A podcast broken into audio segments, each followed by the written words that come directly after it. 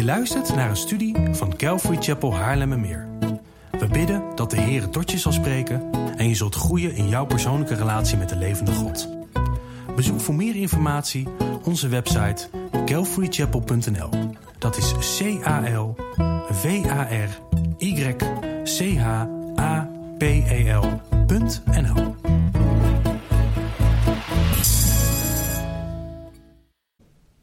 Nou, we zijn vorige week begonnen met de preekserie Maak discipelen.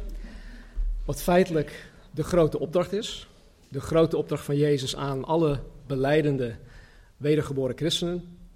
En deze opdracht die, eh, die luidt als volgt. Ga heen, maakt al de volken tot mijn discipelen, hen dopend in de naam van de Vader en van de Zoon en van de Heilige Geest, hun lerend alles wat ik u geboden heb in acht te nemen. Deze opdracht was 2000 jaar geleden voor de discipelen duidelijk. Zij wisten precies wat Jezus bedoelde met maak discipelen. Omdat in bijbelse tijden het concept, het idee van discipelen en het maken van discipelen sowieso, sowieso algemeen bekend was. Ik had vorige week ook aangegeven dat er in 1 Koningen 20, 2 Koningen 2 en 4 uh, is er sprake van leerlingprofeten of discipelprofeten. Jesaja spreekt van leerlingen in wie de profeet Jesaja zelf investeerde. Dat waren dan zijn discipelen. In Johannes 9 noemden de fariseeën zichzelf discipelen van Mozes. En op een, op een aantal verschillende plekken in het Nieuw Testament vinden wij discipelen van Johannes de Doper. Dus het was gewoon duidelijk voor hun in die tijd. En wat het voor de discipelen nog duidelijker maakte en nog specifieker, was dat Jezus hen zo'n drieënhalf jaar lang getraind had, oftewel gediscipeld had, om vervolgens ook, zelf, ook zelf discipelen te gaan maken. Dus hij had een doel voor ogen met die twaalf mannen die hij riep. En het doel was niet alleen om hun te trainen, maar het doel was om hun te trainen zodat zij vervolgens anderen konden trainen. En dat, is, dat, dat, dat, ja, het geeft aan dat, dat Jezus eigenlijk wilde dat wij uh, ons gingen vermenigvuldigen. Het is trouwens heel bijzonder in, uh, in hoofdstuk, ik denk 1 van Genesis, staat dat, um, en het staat niet zo in het Nederlands vertaald, in de grondtekst en in de Engelse tekst wel, geeft God een opdracht aan Adam en Eva, waarin hij zegt, go forth and multiply. Dus um, hoe, staat het daar in het Nederlands? Um, vermenigvuldig, ja, oké, dus toch, toch wel, oké. Okay. Um, vermenigvuldig je. En, en dat is eigenlijk ook het idee achter het maken van discipelen, is dat wij heen gaan om onszelf te vermenigvuldigen in de zin van het maken van discipelen. Jezus had drieënhalf jaar lang, dag in en dag uit, met hen gedaan wat hij hen in de grote opdracht opdraagt. En daarom snapten ze het ook. Zij snapten de grote opdracht. Uh, we, zullen, zullen in de eerstvolgende paar keren ook zien dat ze um, het niet helemaal um, ja, meteen naar behoren hebben uitgevoerd, maar ze snapten het wel. Maar goed, zij snapten het. Maar omdat wij Westerlingen nu zo ver verwijderd zijn van uh, de normen, de gebruiken, de tradities van de Joodse cultuur van 2000 jaar geleden, is dit voor ons niet vanzelfsprekend. En daarom moeten wij er moeite voor doen om het concept van een discipel en het maken van een discipel te kunnen snappen. Wij moeten er gewoon, we moeten dieper gaan graven. Wij moeten ons in, in de plaats van hun uh, proberen te, te, te, zetten. Ik had um, in de vorige studie verteld dat wanneer Jezus in, in fase 2, uh, dat is die, die slide, ja, in fase 2, uh, dat Jezus in fase 2 Jacobus, Petrus en Andreas riep, ook Johannes, om hem na te volgen. En zij lieten letterlijk, in dat schriftgedeelte, Matthäus 4, 18 tot 22, zij lieten letterlijk alles vallen om met Jezus mee te gaan. Nou, toen ik eerst tot geloof kwam, dat was alweer 27 jaar geleden, uh, las ik de Bijbel, ik las het Nieuw Testament meerdere malen door en wanneer ik dit soort dingen tegenkwam, dacht ik van, bij mezelf van, joh, waarom deden ze dat? Ik snapte dat niet. Waarom lieten zij gewoon alles vallen om deze Jezus na te volgen? Wat gebeurde daar? En waarom deden zij dat? Nou, om, omdat deze vier, Jacobus, Johannes, Petrus en Andreas, ruim uh, een jaar tijd, misschien anderhalf jaar tijd, uh, de kom- en zie-fase hadden doorlopen. Waarin zij Jezus in deze fase heel veel, um, noem het maar even, messiasachtige dingen zagen doen. En dat hij ook heel veel messiasachtige dingen had onderwezen, geloofden zij. Er staat op meerdere plekken dat zij geloofden. En het geloofsproces voor hun was progressief. Het was niet zo dat zij vanaf het moment dat zij eh, met aanraking in, Jezus, met aanraking, in aanraking met Jezus kwamen, dat zij ineens volledig geloofden. Nee, het geloofsproces ging stapsgewijs. En als je naar je eigen leven kijkt, is geloof voor ons ook iets dat groeit. Voordat ik tot geloof kwam, had ik bepaalde glimpses van, van wie God was. Maar uiteindelijk, op het moment dat ik tot wedergeboorte kwam, toen geloofde ik volledig. En ook sinds die tijd is het, nog, is het alleen maar gaan groeien. En het is nog steeds aan het groeien. Dus voor hun gold dat ook. Dus ze zagen Jezus in deze fase heel veel messiasachtige dingen doen. Maar dit was niet alles. Dat was niet het enige dat hun over de streep trok om alles te laten vallen. Er speelde nog meer dat hen ertoe bewoog om letterlijk hun hele hebben en houden, hun hele bestaan, hun hele leven te laten vallen om zich als discipelen aan Jezus toe te wijden en Hem vervolgens na te volgen. Nou, in de tijd van Jezus, of in de tijd dat Jezus op aarde was, was er voor de Joden een, een, een, een heel specifiek opleidingstraject. En dat bestond uit drie opeenvolgende scholen. Het, is een beetje vergelijkbaar met, met wat wij hier in Nederland ook hebben. Je hebt de basisschool, dan heb je de, de middelbare school en dan heb je vervolgopleidingen. Nou goed, dat hadden ze toen ook. Alleen bestond het uit drie opeenvolgende scholen. De eerste school, dat heette Bet Sefer, wat huis van het boek betekent. En dit was een soort basisschool. Het was een soort basisschool voor kinderen in de leeftijd van 6 tot 12 jaar. Deze school vond plaats in de synagoge, dus zeg maar in de kerk, waar zij kerkten. En het was onder de leiding van een rabbi. Een rabbi is een leraar, een meester, een Joodse godsdienstleraar. En in deze scholen, of in deze school, in de Bet Sefer, leerden de kinderen te lezen en zoals ook hier in de basisschool vanaf groep 3, ze, ze, ze, leerden te schrijven. Ze hadden maar één lesboek. Eén lesboek. En het lesboek was de Torah. Het was de, de, de eerste vijf boeken van de Bijbel. En deze kinderen leerden niet alleen om te lezen en te schrijven, maar om de Heilige Schrift, luister, uit hun hoofd te leren. Ik heb jullie maanden geleden gevraagd van, joh, uh, probeer Johannes 3:16 en uh, Psalm 119 nog wat uit je hoofd te leren. Ik moedig mensen ook aan, probeer of niet probeer, doe het gewoon. Leer de Bijbelboeken uit je hoofd. Niet alle, Bijbel, niet alle inhoud, maar gewoon de namen van de Bijbelboeken. Leer ze uit je hoofd. Matthäus, Marcus, Lucas, hè, dus dat. Wij kunnen dat vandaag de dag niet eens doen. Of wij, wij doen er weinig voor.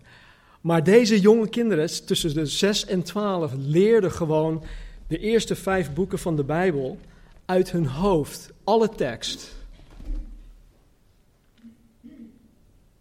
En aan het eind van deze basisschool uh, leerden de jongens vooral het vak van hun familiebedrijf. Zoals Johannes en Jacobus dat ook deden, die samen bij de visserij van hun vader werkten. Eh, Casper, wat is het woord voor apprentice? Leerling? Oké. Oké. Dus die, die jongens gingen dus bij hun uh, familiebedrijf als, als leerling uh, te werk. En voor de meesten was dit het einde van hun scholing. Dus ze hadden alleen maar een basisschoolopleiding. Maar die basisschoolopleiding bestond wel uit het feit dat zij moesten leren, uh, moest, de, de, de, de, de Torah uit hun hoofd moesten gaan leren. Nou, alleen de crème de la crème, de allerbeste, gingen vanaf dat moment door naar een vervolgopleiding. En deze school heette Bet Midrash. Oeps, even terug. Deze. Wat huis van onderzoek of huis van uitleg betekent. Dit was voor jongens tussen de 13 en 15 jaar. Die zich in de Bet Sefer bewezen hadden. Om waardig geacht te zijn om hun opleiding voor te kunnen zetten. De leerlingen in deze school moesten, dit is echt bizar, moesten de gehele Joodse Bijbel, het hele Oude Testament bestuderen en uit hun hoofd leren. Genesis tot en met Malachi, 39 boeken, helemaal uit hun hoofd leren. Dat klinkt onmogelijk. Maar als je nagaat, heel veel van, van de Bijbel is door mondelinge um, leer doorgegeven. Ze moesten dit onthouden. Zo streng was, het Joods, het, was, was de Joodse leer. Zo streng was het voor de schriftgeleerden en de fariseeën. Dus zij moesten van Genesis tot en met Malachi 39 boeken uit hun hoofd leren. En daarnaast moesten ze ook nog eens het vak van hun familiebedrijf leren. Dus het was niet eens dat ze zich alleen maar konden richten op school. Nee, ze moesten daarnaast ook nog eens het familievak leren. Daarom Paulus, die een fariseerder was, een fariseer der fariseeën, was van beroep tentmaker. Hij leerde dat in deze periode. Dat was zijn, zijn, het vak dat hij leerde in, eh, in zijn familiebedrijf. En zeer weinig jongens haalden dit niveau. Dat is logisch. En van de weinigen die slaagden, kwamen alleen de beste van de beste in aanmerking om de laatste fase van hun vervolgopleiding te doen. En dat is dan de allerhoogste school van die tijd. En deze laatste school heet Bet Talmud. En dat is, uh, betekent huis van leer of huis van doctrine. En in deze school volgde de leerling één rabbina. Hij volgde één rabbina. En deze school duurde het langst. Vanaf zijn vijftiende tot zijn dertigste leerjaar, gewoon 15 jaar lang, was deze leerschool. De rabbies in deze fase, of de rabbies die in deze fase die, uh, hun discipelen onderwees, die hadden hun eigen kijk op de Bijbel. En zoals verschillende denominaties hier in Nederland en de wereld vandaag de dag ook verschillende kijken hebben op, hun, op de Bijbel. Verschillende interpretaties van de Bijbel. Zoals bijvoorbeeld de leer van Johannes Calvijn, dat heet Calvinisme. Zo hadden zij ook in die tijd verschillende lering, leer, ja, leringen, verschillende doctrines. En het geheel van uh, de leer van zo'n uh, rabbi noemden zij een juk. Dus Calvinisme was een juk van Johannes Calvijn. Ja, dat is zijn leer. Nou, om aan deze school deel te kunnen nemen, moest men persoonlijk door een, uh, door een rabbi uitgenodigd worden. Om dan een, een soort toelatingstestfase te doorlopen. En in deze testfase werd de leerling door de rabbi verhoord. Uh, de rabbi stelde allerlei moeilijke vragen over de Torah, over de rest van de Bijbel, over God, over het volk Israël, over het heilsplan, nou, noem maar op de leerling werd letterlijk, door niet letterlijk, maar door de rabbi werd hij door de mangel gehaald. Het was echt het moeilijkste dat er is voor zo'n jonge gast. En kijk, als de, als de rabbi dacht dat deze jongen wel voldoende kennis had, maar hij er niet zeker van was dat hij het echt in zich had om te worden als de rabbi, dan zou hij eventueel tegen zo'n leerling zeggen uh, van, Kijk, ik, ik, ik, zie dat je echt van God houdt. Je bent echt oprecht in, in, in, in jouw houding naar God toe. Je hebt veel Bijbelkennis, je hebt veel potentie.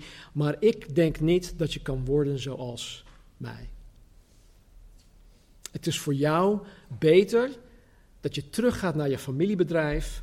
En dat je daar jouw, jouw carrière, jouw levensonderhoud verder um, gaat oppakken. Maar als de rabbi dacht dat deze jongen wel degelijk zou kunnen worden als hij, dan zou hij tegen hem zeggen: Kom, volg mij na en neem mijn juk op je. Klinkt dat bekend? Ja. Volg mij na, neem mijn juk op jou. Nou, als de leerling dus succesvol door deze testfase heen gekomen is, en de rabbi gekozen wordt, of en, en door de rabbi gekozen wordt om zijn juk op zich te nemen, dan volgt de leerling de rabbi na. Met het doel om op 30-jarige leeftijd zelf een rabbi te worden. Dus dat, dat was het proces. Dat was het doel wat men voor ogen had. En degene die door de rabbi hiertoe gekozen en geroepen werden, die heette Talmudim, oftewel discipelen. Dat is echt het woord voor discipel. En een talmid of een discipel was niet slechts een leerling, maar iemand die getraind werd om te worden als zijn meester, zijn rabbi, om te doen wat zijn rabbi deed. Zo'n discipel schaduwde zijn rabbi voortdurend, dag in en dag uit, elk moment. Ik kan me voorstellen dat het voor zo'n rabbi misschien wel irritant zou zijn geweest, want overal waar hij waar die is, nou, daar staat zo'n discipel. Ik weet nog, toen ik klein was, toen uh, zeiden mijn ouders altijd als ik hun in, de weg liep, joh, loop niet voor mijn voeten. Ik denk dat het ook zo, was met zo'n rabbi en, en zijn discipelen. En in alles trachtten de, de discipelen zijn rabbi na te doen.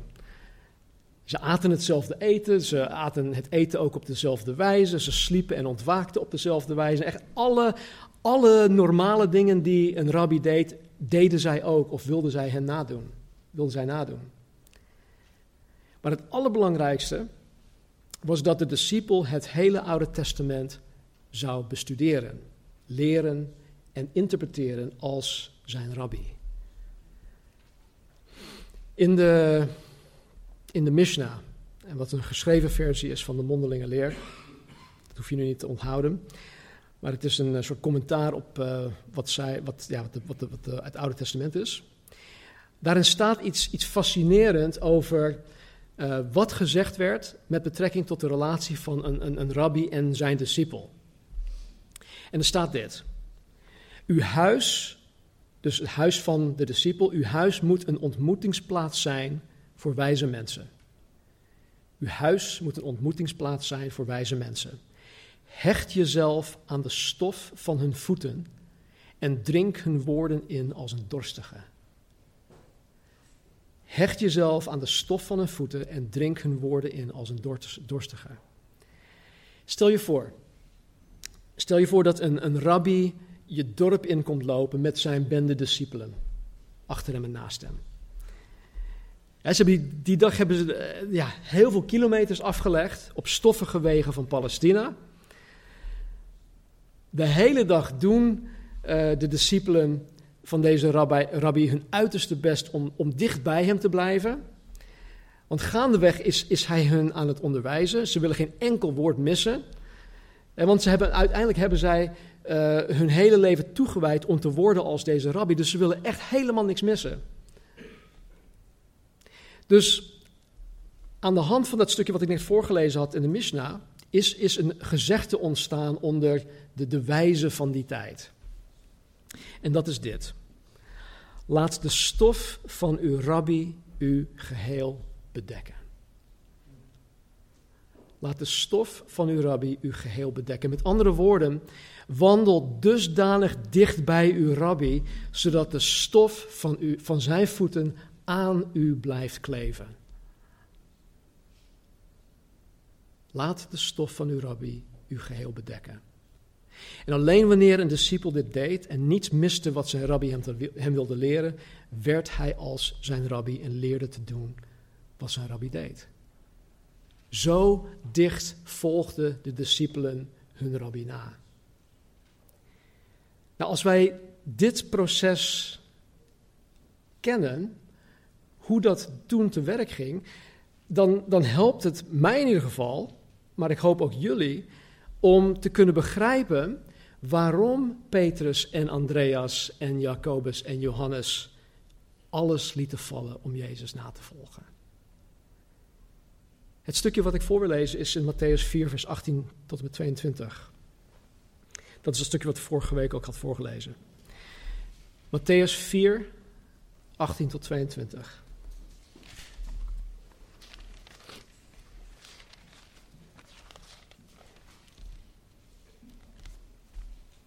Jezus liep langs de zee van Galilea en zag twee broers, namelijk Simon die Petrus genoemd wordt en zijn broer Andreas, die het net in de zee werpen, want ze waren vissers.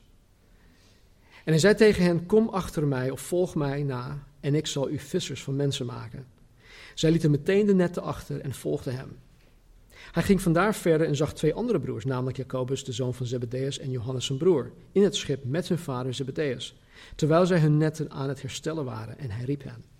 Zij lieten meteen het schip van en hun vader achter en volgden hem. Tot zover.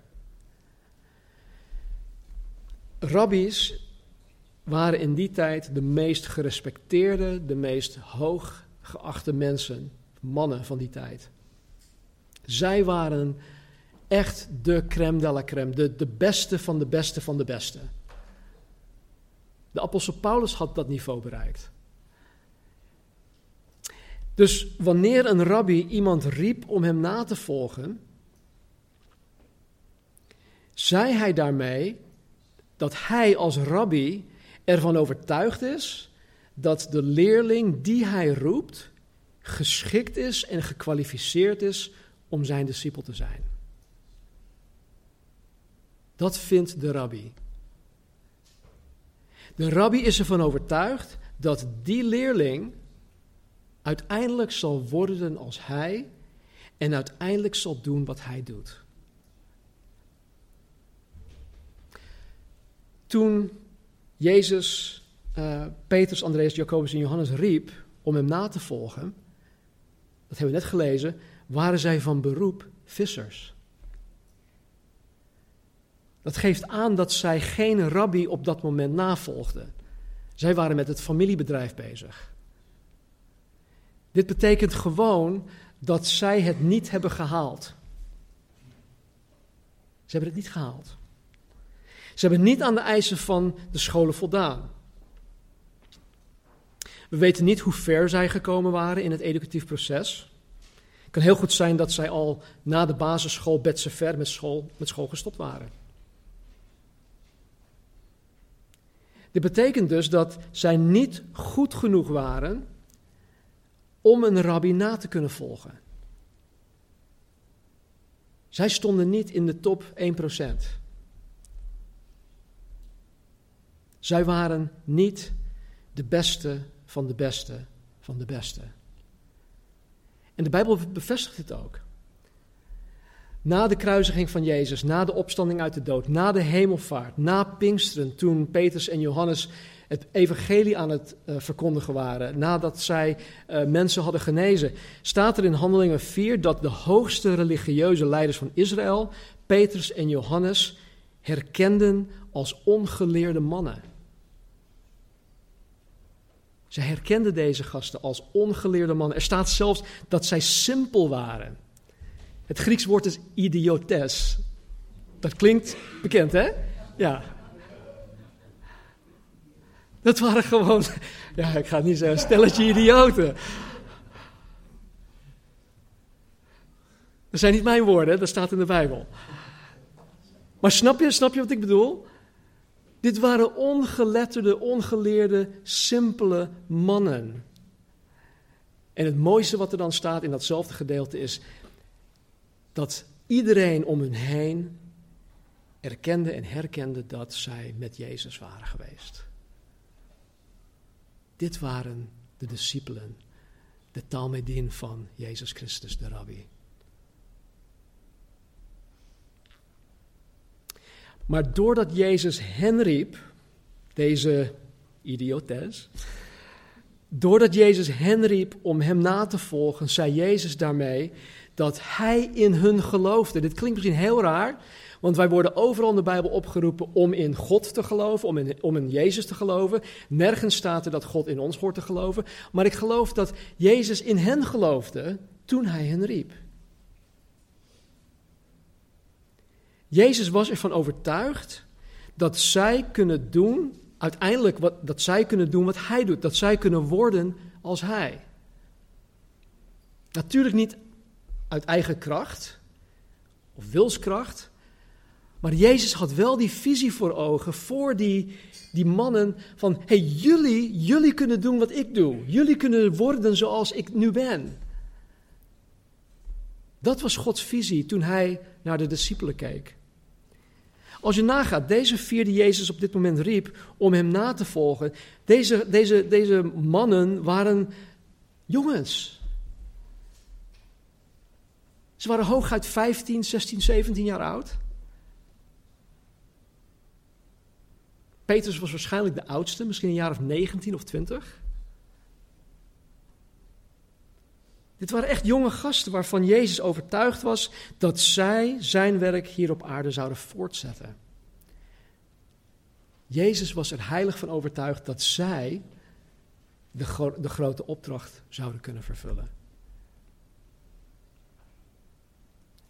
En de roep van Jezus om hen na te volgen was voor deze niet gekwalificeerde jonge mannen de kans van hun leven.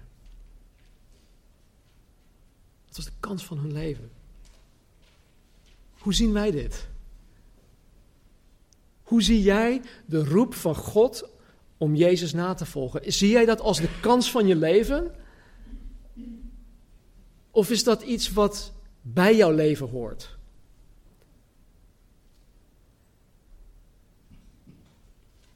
Ja, Jezus die past in, in dit vakje in mijn leven. Ik heb heel veel andere hokjes en vakjes, maar Jezus past hierin. En hij maakt onderdeel uit van mijn leven, maar hij is niet mijn leven. Hij maakt onderdeel uit van mijn leven. Dit was voor die gasten de kans van hun leven om Jezus na te kunnen volgen.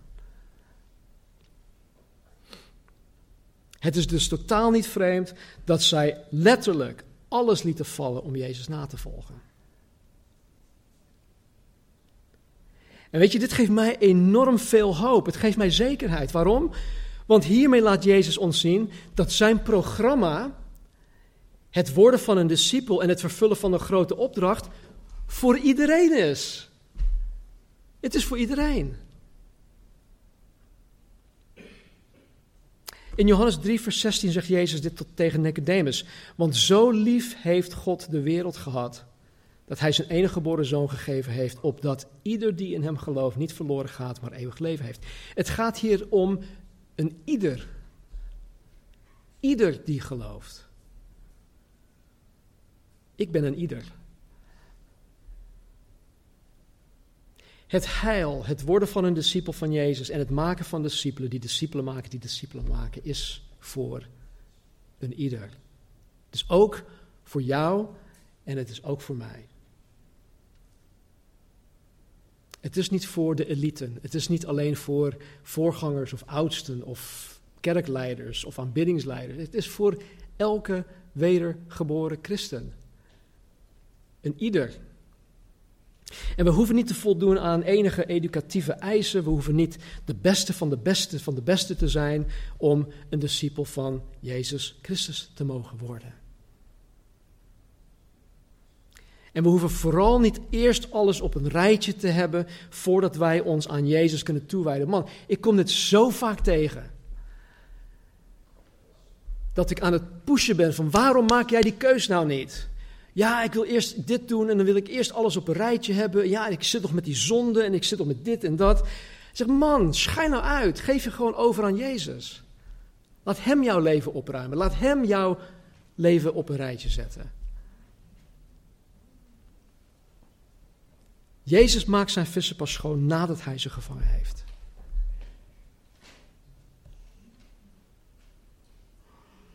Kijk, als Jezus, als God, de schepper van hemel en aarde, er voor 100% zeker is dat wij zijn discipelen kunnen zijn, dat wij discipelen kunnen zijn die discipelen maken, die discipelen maken, waarom hebben wij die zekerheid dan niet? Hij heeft die zekerheid. Hij gelooft erin. Hij gelooft in zijn programma. Jezus is er 100% zeker van dat jij en ik door zijn kracht Zijn kracht, dat in de wedergeboren geboren christen werkzaam is door de inwoning van de Heilige Geest, dat wij kunnen worden als Hij. Want dat maakt deel uit van zijn programma.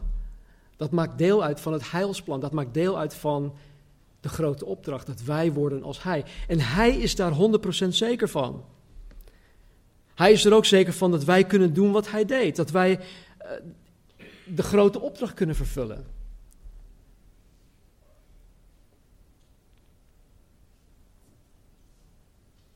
Hij heeft die zekerheid. En mijn gebed en mijn hoop is dat er ieder van ons ook die zekerheid zullen krijgen. Steeds meer en steeds meer. Ik houd vandaag kort.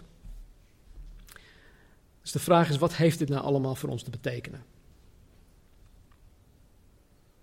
Ten eerste, de meest belangrijke vraag is of jij een discipel van Jezus Christus bent. Dat is vandaag de allerbelangrijkste vraag voor jou. Ben jij een discipel van Jezus Christus? Op een uh, gegeven moment had Jezus een wonder verricht door het vissersnet van uh, Petrus tot barsten aan toe te vullen met vissen. Waarop Petrus tegen Jezus zei om van hem weg te gaan. Hij zei: Ga weg van mij, Heer, want ik ben een zondig mens. Op dat moment kreeg hij weer zo'n zo'n openbaring van God. Oh, ik ben nu in de aanwezigheid van God Almachtig en ik ben een vieze, vuile zondaar. God, ga alsjeblieft van mij weg. Hij zag zichzelf in het licht van de Heer en hij zag in dat hij een zondaar was. En dat is denk ik het, het, het, eerste wat er moet gebeuren. Zie jij ook in dat jij een zondaar bent? Dat zonder ingrijpen van Jezus Christus jij zelf niets aan je zonden en aan je zondige natuur kan doen. Ik heb het jarenlang geprobeerd. Ik wist als, als, van, van, van, ja, als van tiener uh, af aan, wist ik wel een beetje van wat het zou, eventueel zou moeten zijn om een christen te zijn.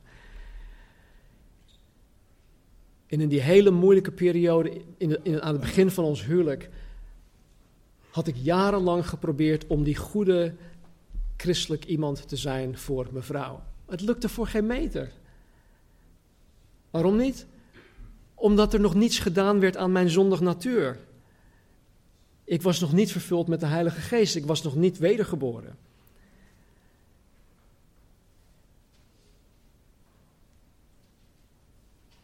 Dus als, als, als jij inziet dat je zondaar bent en dat je zelf helemaal niets aan je zonde kan doen, dan ben je op weg.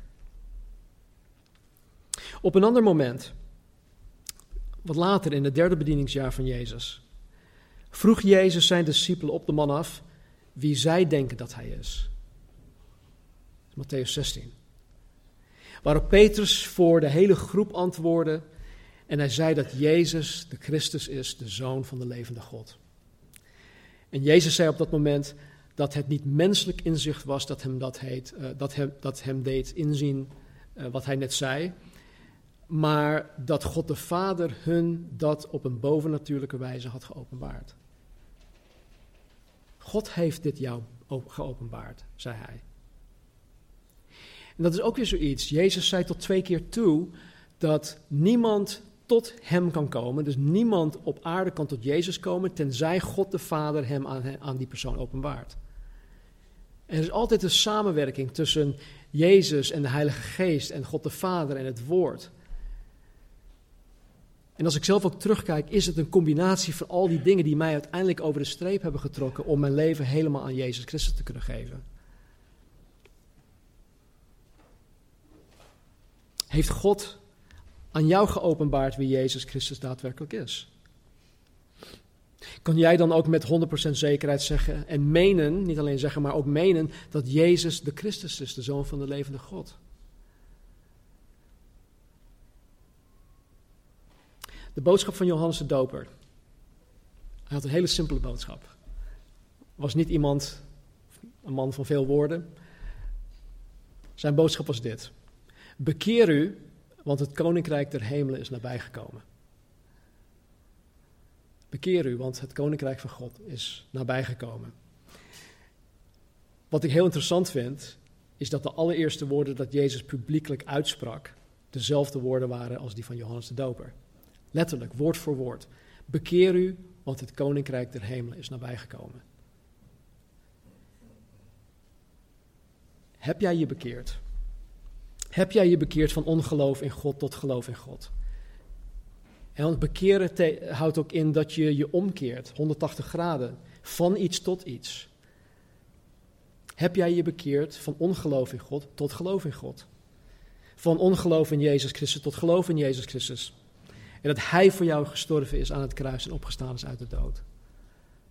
Heb jij je bekeerd van je oude leven, waarin je totaal geen rekening met God hebt gehouden, tot een nieuw leven waarin je God vereert en verheerlijkt?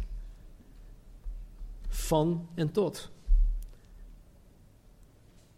Ben jij discipel van Jezus Christus? Zo nee, praat er met God over. Het is niet moeilijk. Soms denken mensen dat bidden iets is wat je, ik weet niet, dat je een kaarsje moet gaan branden of dat je ergens moet, je moet afzonderen of iets dergelijks. Je kan je afzonderen in je eigen kamer of je kan hier. Eh, het maakt niet uit waar je bent. God is overal. Je kan overal met God praten. Maar doe het gewoon. Praat dan met God. Praat met God hierover. Beleid aan God dat je een zondaar bent. Beleid aan God dat je gelooft dat Jezus voor jou zonde gestorven is aan het kruis. Vraag God om jou te vergeven. Beleid aan God dat je je bekeert van je oude leven tot een nieuw leven in Hem en met Hem. En voor de rest van ons, waar zit jij momenteel in relatie met de Meester? De Meester. Jezus, onze rabbi. Ben jij een, een talmid, een discipel, eentje die zich geheel heeft toegewijd aan Jezus? Om te worden als Hij. Om te gaan doen wat Hij deed. Om de grote opdracht te vervullen. We gaan dit verder uitwerken in de komende, op de komende zondagen. Maar als je jezelf afvraagt, joh, maar oké, hoe doe je dat dan praktisch? Waar, waar moet ik dan beginnen? Dit begint zoals het bij de Joodse zesjarige jongetjes begon in Betsever. Door het woord van God ons eigen te maken. Door het woord van God te lezen, te bestuderen, met elkaar erover te praten Weet je wat ik zo bijzonder vind? En ik denk dat, dat, dat het merendeel hier daar totaal geen gebruik van maakt. Is dat wij die getrouwd zijn,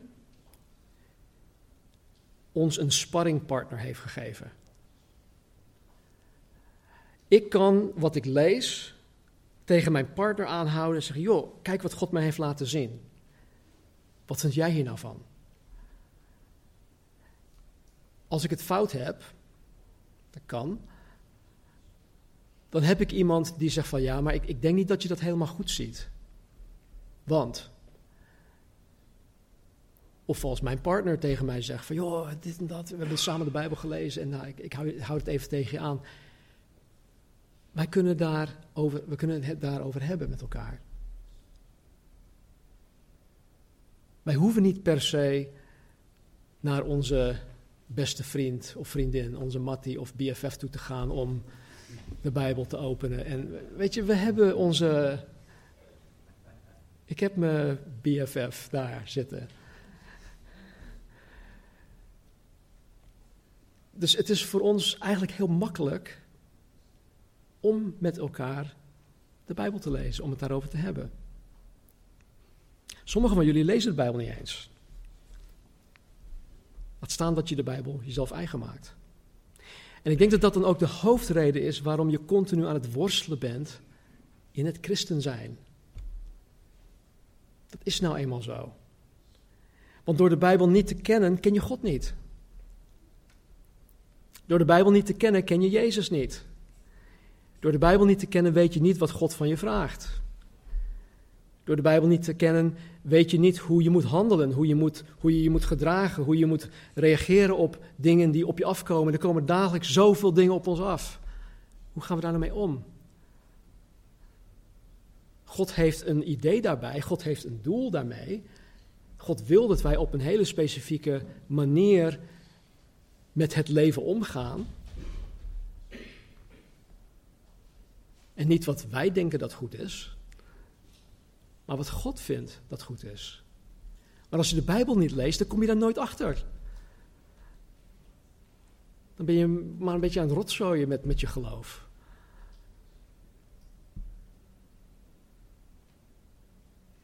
En door de Bijbel niet te lezen en te kennen, kan je wel je uiterste best doen om discipelen proberen te maken. Maar je zal merken dat je er niet in zal slagen. Waardoor je alleen maar gefrustreerd zal raken en helaas vervolgens zal afhaken.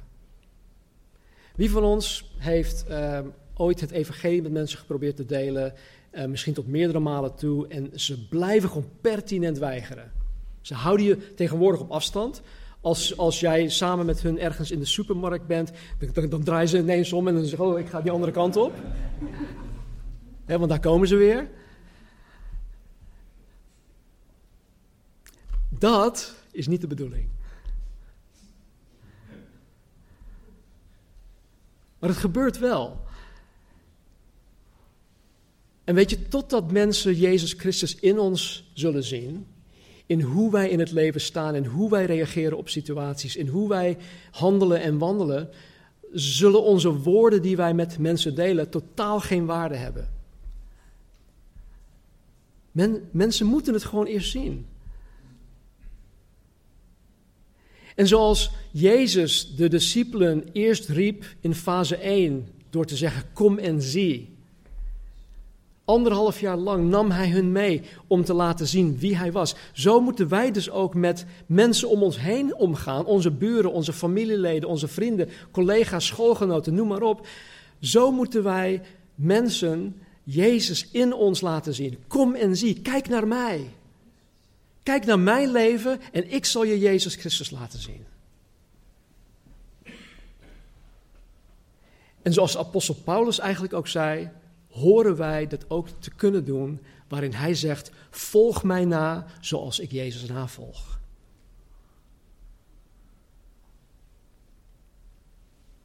Het wordt steeds moeilijker, hè? Ja, het wordt steeds moeilijker. Daarom zegt Jezus ook: Als je mij toch echt wil navolgen, moet je jezelf verloochenen. Sterven aan jezelf. Ik ben mijn grootste vijand. Ik ben mijn eigen grootste vijand. Ik sta mezelf en hem continu in de weg. Kijk, als je niet weet hoe je de Bijbel hoort te lezen, vraag het gewoon. Vraag het aan mij, vraag het aan Casper, vraag het aan iemand. En als zij het niet weten, dan weten ze in ieder geval wel bij wie je terecht kan. Maar vraag het. Niet voor niets schrijft de apostel Paulus in de Colossensebrief: Laat het woord van Christus in rijke mate in u wonen. Weet je, tegenwoordig, en ik, ik dank God daar echt voor, wanneer dingen op Marnie en mij afkomen, wanneer wij in, in, in nare situaties terechtkomen, dan is het niet zo van, oh joh, wat zegt de Bijbel daar ook wel over? En laten we verzoeken, laten we, op, laten we googlen. Nee, het woord woont nu gewoon rijkelijk in ons hart en we weten gewoon meteen wat wij horen te doen, hoe wij horen te handelen, hoe wij met situaties om horen te gaan. Ik kreeg een paar weken geleden een e-mail van iemand die, uh, die boos weg was gegaan vanuit de gemeente. En die zeiden tegen ons: We willen graag een afspraak met jullie maken om met jullie verzoend te worden. We willen graag om vergeving vragen. Goed. Um, dat is hartstikke gaaf natuurlijk. Maar er zat nog wel iets in mijn eigen hart, ook in het hart van Marty, waarvan we dachten: Oh ja, maar, maar willen wij dat eigenlijk wel? Het gaat nu juist zo lekker. En dan denk je erover na. En dan ga je met dat verhaal naar God toe. En dan zegt God, natuurlijk moet je dat doen. En dan hoef ik niet te zeggen, ja, maar waarom dan? Ik weet het, want het woord van God woont rijkelijk in me. Ik heb genoeg Bijbelversen die dan in me opkomen, waardoor ik ertoe gedwongen word om het gewoon te doen, want ik weet dat dat het juiste is. Ik weet dat dat God zal verheerlijken in mijn leven. Weet je, dus het is zaak dat wij het woord van Christus in rijke mate in ons laten wonen. En dat gaat niet vanzelf. Dat moet, daar moet je iets voor doen. Je moet zelf de moeite doen om je Bijbel te lezen. Om je Bijbel eigen te maken. De Bijbel kennen en gehoorzamen en vervuld te zijn met de Heilige Geest is iets waar je niet zonder kunt als je een discipel van Jezus Christus wil zijn. Dat kan je niet zonder. Laten we bidden. Heilige God, dank u wel dat u zo oneindig groot bent en toch zo dichtbij. Dank u wel voor de geschiedenis, waaruit we zoveel kunnen en mogen leren. Dank u wel dat de woorden van Jezus en de reacties van de discipelen tot leven komen, Heer, wanneer we ons verdiepen in uw woord. En dank u voor het geweldig voorbeeld. Niet alleen het geweldig voorbeeld, het ultieme voorbeeld van Jezus Christus zelf, maar ook het voorbeeld van de discipelen. Die de kans van hun leven met beide handen aangrepen, Heer, om u na te volgen. Ik bid, Heer, dat in ieder van ons doordrongen wordt van het feit dat u ons roept, dat u ons geroepen hebt. En dan niet om zondagschristen te worden of naamchristen, maar om een talmid te zijn, een discipel. Die uiteindelijk zal worden als Jezus Christus, die uiteindelijk zal doen wat Jezus Christus deed, die uiteindelijk de grote opdracht zal vervullen. Heer, ik bid dat uw Heilige Geest ons niet um, zal aanklagen over het feit dat wij allemaal hierin tekortschieten. Ik bid dat de Satan ons absoluut niet zal aanklagen over het feit dat wij hierin tekortschieten. Maar Heer, laat uw Heilige Geest ons bemoedigen en, en bewegen om er iets mee te doen, om er iets aan te doen. Heer, ik bid dat u de vinger op de juiste plek legt. Help ons om de eerste stap te gaan zetten. Doe in ons en onder ons, Heer, en door ons heen wat nodig is.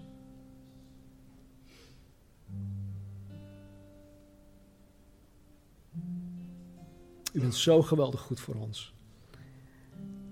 En Heer, we willen worden zoals u bent. Want alleen dan, Heer, zal de wereld een betere plek worden. Niet alleen voor onszelf, maar vooral juist, juist voor de mensen om ons heen. Juist voor de mensen in onze, ja, in onze gebieden van, van, van invloed. Help ons om Jezus Christus aan mensen te laten zien. aan elkaar te laten zien. En geef ons ook de zekerheid, dezelfde zekerheid die u hebt. De zekerheid dat wij kunnen worden zoals u, dat wij zullen zijn zoals u, dat wij kunnen doen wat u doet. Op alle niveaus. Dat vragen we in Jezus' naam. Dank u wel. Amen.